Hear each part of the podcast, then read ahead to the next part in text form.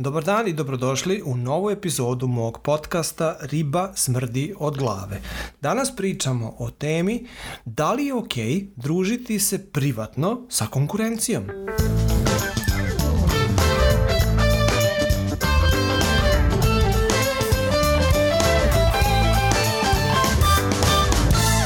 Dobar dan još jednom i dobrodošli u novu epizodu mog podcasta. Ja sam Darko Pavić i suvlasnik sam kompanije Fiscal Solutions.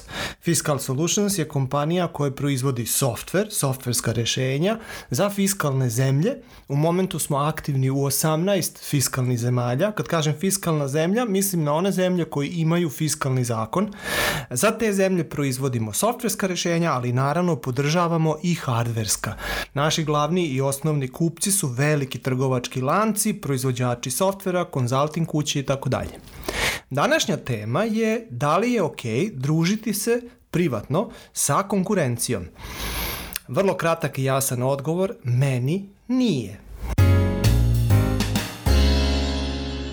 U sledeći par minuta ovog podcasta ću vam objasniti zašto po mom mišljenju to nije ok, odnosno koje posledice druženje sa konkurencijom može da ima. Ali mislim da na samom početku treba da objasnim šta znači za mene druženje. Ako ponekad odem na kafu sa konkurencijom, malo se ispričam i tako dalje, to ne smatram druženjem. To mi je čak i željeno, zato što na osnovu takvih kafa, tako reći, mogu da saznam više informacije o tržištu, o tome šta radi konkurencija, da dobijem neke važne, interesantne novosti i tako dalje. To mi nije druženje, to je jednostavno odlazak, sporadičan odlazak na kafu.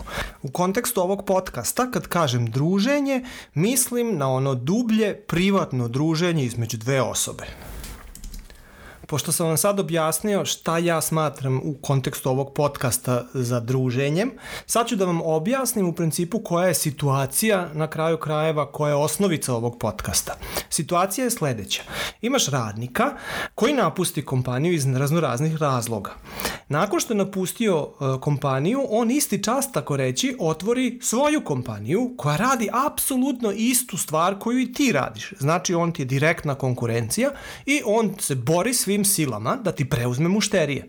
Ali ne samo to, nego ti i sumnjaš, gledajući naravno uh, i sudeći po tome šta on radi, ti sumnjaš da ti je taj bivši kolega, taj bivši radnik ukrao vitalne stvari iz kompanije koje sada koristi da napravi posao ta sumnja ide toliko daleko da ti imaš i konkretnije stvari u rukama koji su možda i dokazi za nešto i pokrećeš naravno sudsku tužbu. Znači ti ne samo da ti je taj kolega otišao iz kompanije, bivši kolega otišao iz kompanije, otvorio konkurentnu kompaniju, nego ti misliš da te on i pokrao i zato si pokrenuo tužbu. Znači, to je, to je situacija. E sada, neko od sadašnjih radnika se druži sa tim bivšim radnikom, odnosno sa drugim ljudima iz te novo nastale kompanije, konkurentne kompanije sa kojom se ti sudiš. Tim druženjem tvoj radnik pokazuje da mu je ta konkurencija ok i da ta tvoja tužba koju si pokrenuo nema smisla i nije osnovana. Tu poruku on šalje svima koji vide da se on druži sa tim ljudima iz konkurentne kompanije. Samo da ponovim, znači, postoji konkurentna kompanija koju je e, kreirao bivši radnik koji je napustio kompaniju, postoji sudska tužba protiv te kompanije i sad neko iz tvoje kompanije, sadašnji radnik, se počinje družiti sa tim kolegama bivšim iz te konkurentne kompanije sa kojom se ti tužiš. Pa kakva je to slika? Šta to, šta to druženje odaje kao poruku svim kupcima koje to vide, svim ostalim radnicima koje to vide, svim ostalim ljudima koji to vide? Mislim samo da naglasim, tema je kom, kompletno ista čak i da nema tužbe, čak i da je samo konkurentna kompanija. Zamislite situaciju, sad ću napravit ću malu usporedbu, čisto da vam dočaram u principu problem. Zamislite sledeću situaciju, imate dva košarkaška tima. E sad, oni se spremaju da odigraju jako važnu utakmicu. Ta utakmica je ono, ili ćeš proći ili nećeš proći, neki kup nečega. Uglavnom, tvoj tim se sprema za tu utakmicu mesecima, trenira, e, krvari, znoji se, sprema strategiju kako da najbolje igra protiv tog tima. Znači, baš se ono dobro priprema.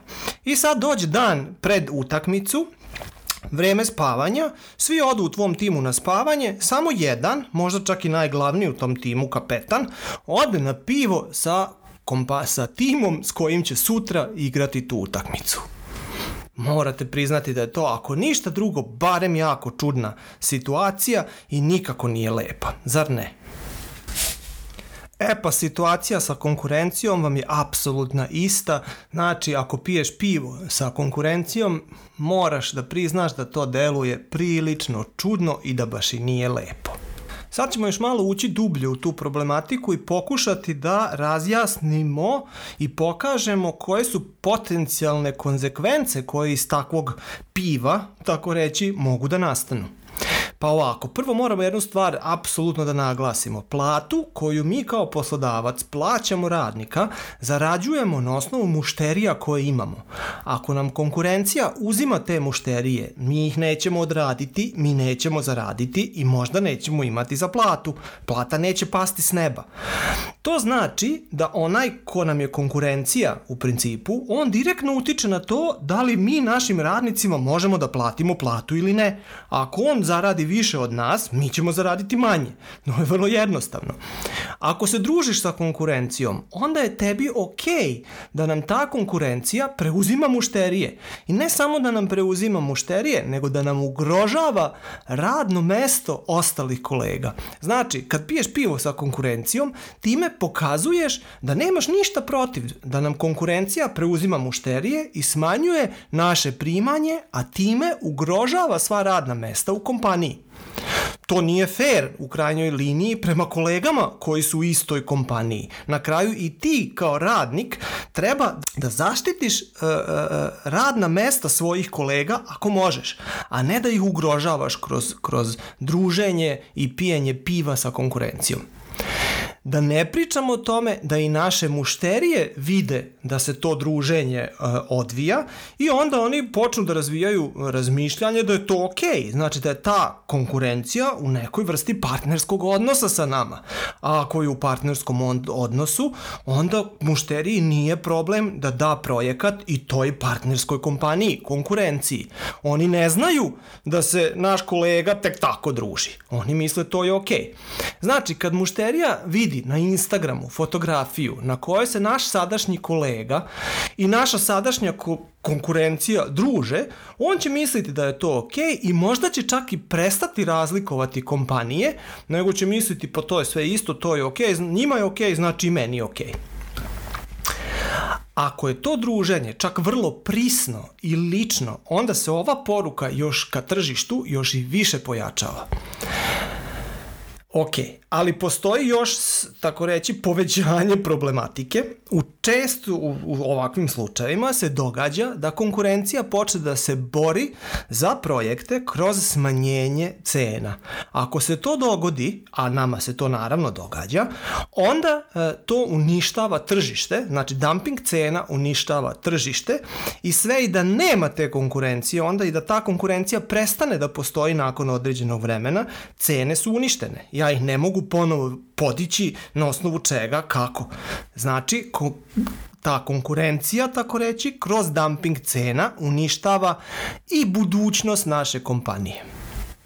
Mislim da je sada postalo kristalno jasno da ako se ti kao radnik družiš sa konkurencijom, dovodiš time mene ili tvog i ili tvog direktnog nadređenog u situaciju da moram da se odlučim da li ću to tolerisati i time reći da i meni ok da se družim sa konkurencijom, e, da gubim mušterije kroz to, da mi je rizik veliki u kontekstu radnih mesta i tako dalje, ili moram da se odlučim da reagujem. Znači, odjednom je nastala situacija gde sam ja prisiljen da adekvatno reagujem. Pošto odnos sa konkurencijom stvara rizik za sve plate i za sva radna mesta naših radnika u kompaniji, naravno zbog gubljenja mogućih mušterija, te s obzirom da ta vrsta druženja s konkurencijom šalje pogrešnu sliku i potencijalnim kupcima i sadašnjim kupcima i sadašnjim radnicima i tako dalje i budućim radnicima, ja sam prisiljen da adekvatno reagujem. Naravno da ja ne mogu niti želim da se mešam u privatan izbor prijatelja i s kim se ko druži u kompaniji, odnosno između kojih kompanija. To je, svako, to je stvar koju svako od nas mora sami lično da donese kao odluku i onda to da radi ili ne radi. Ali, moj zadatak je da osiguram postojanje svih radnih mesta u momentu i da osiguram sigurnu budućnost svih tih radnih mesta, a da umanjim rizike koje prepoznajem ili da ih se rešim kompletno. U kontekstu druženja e, radnika sa konkurencijom nastaje rizik na koji ja moram adekvatno da reagujem. Nadam se da sam vam uspeo pojasniti situaciju zašto po mom mišljenju druženje između sadašnjeg radnika i konkurencije nije okej. Okay. Radovalo bi me da se slušamo i u sledećoj epizodi i najlepše vas pozdravljam.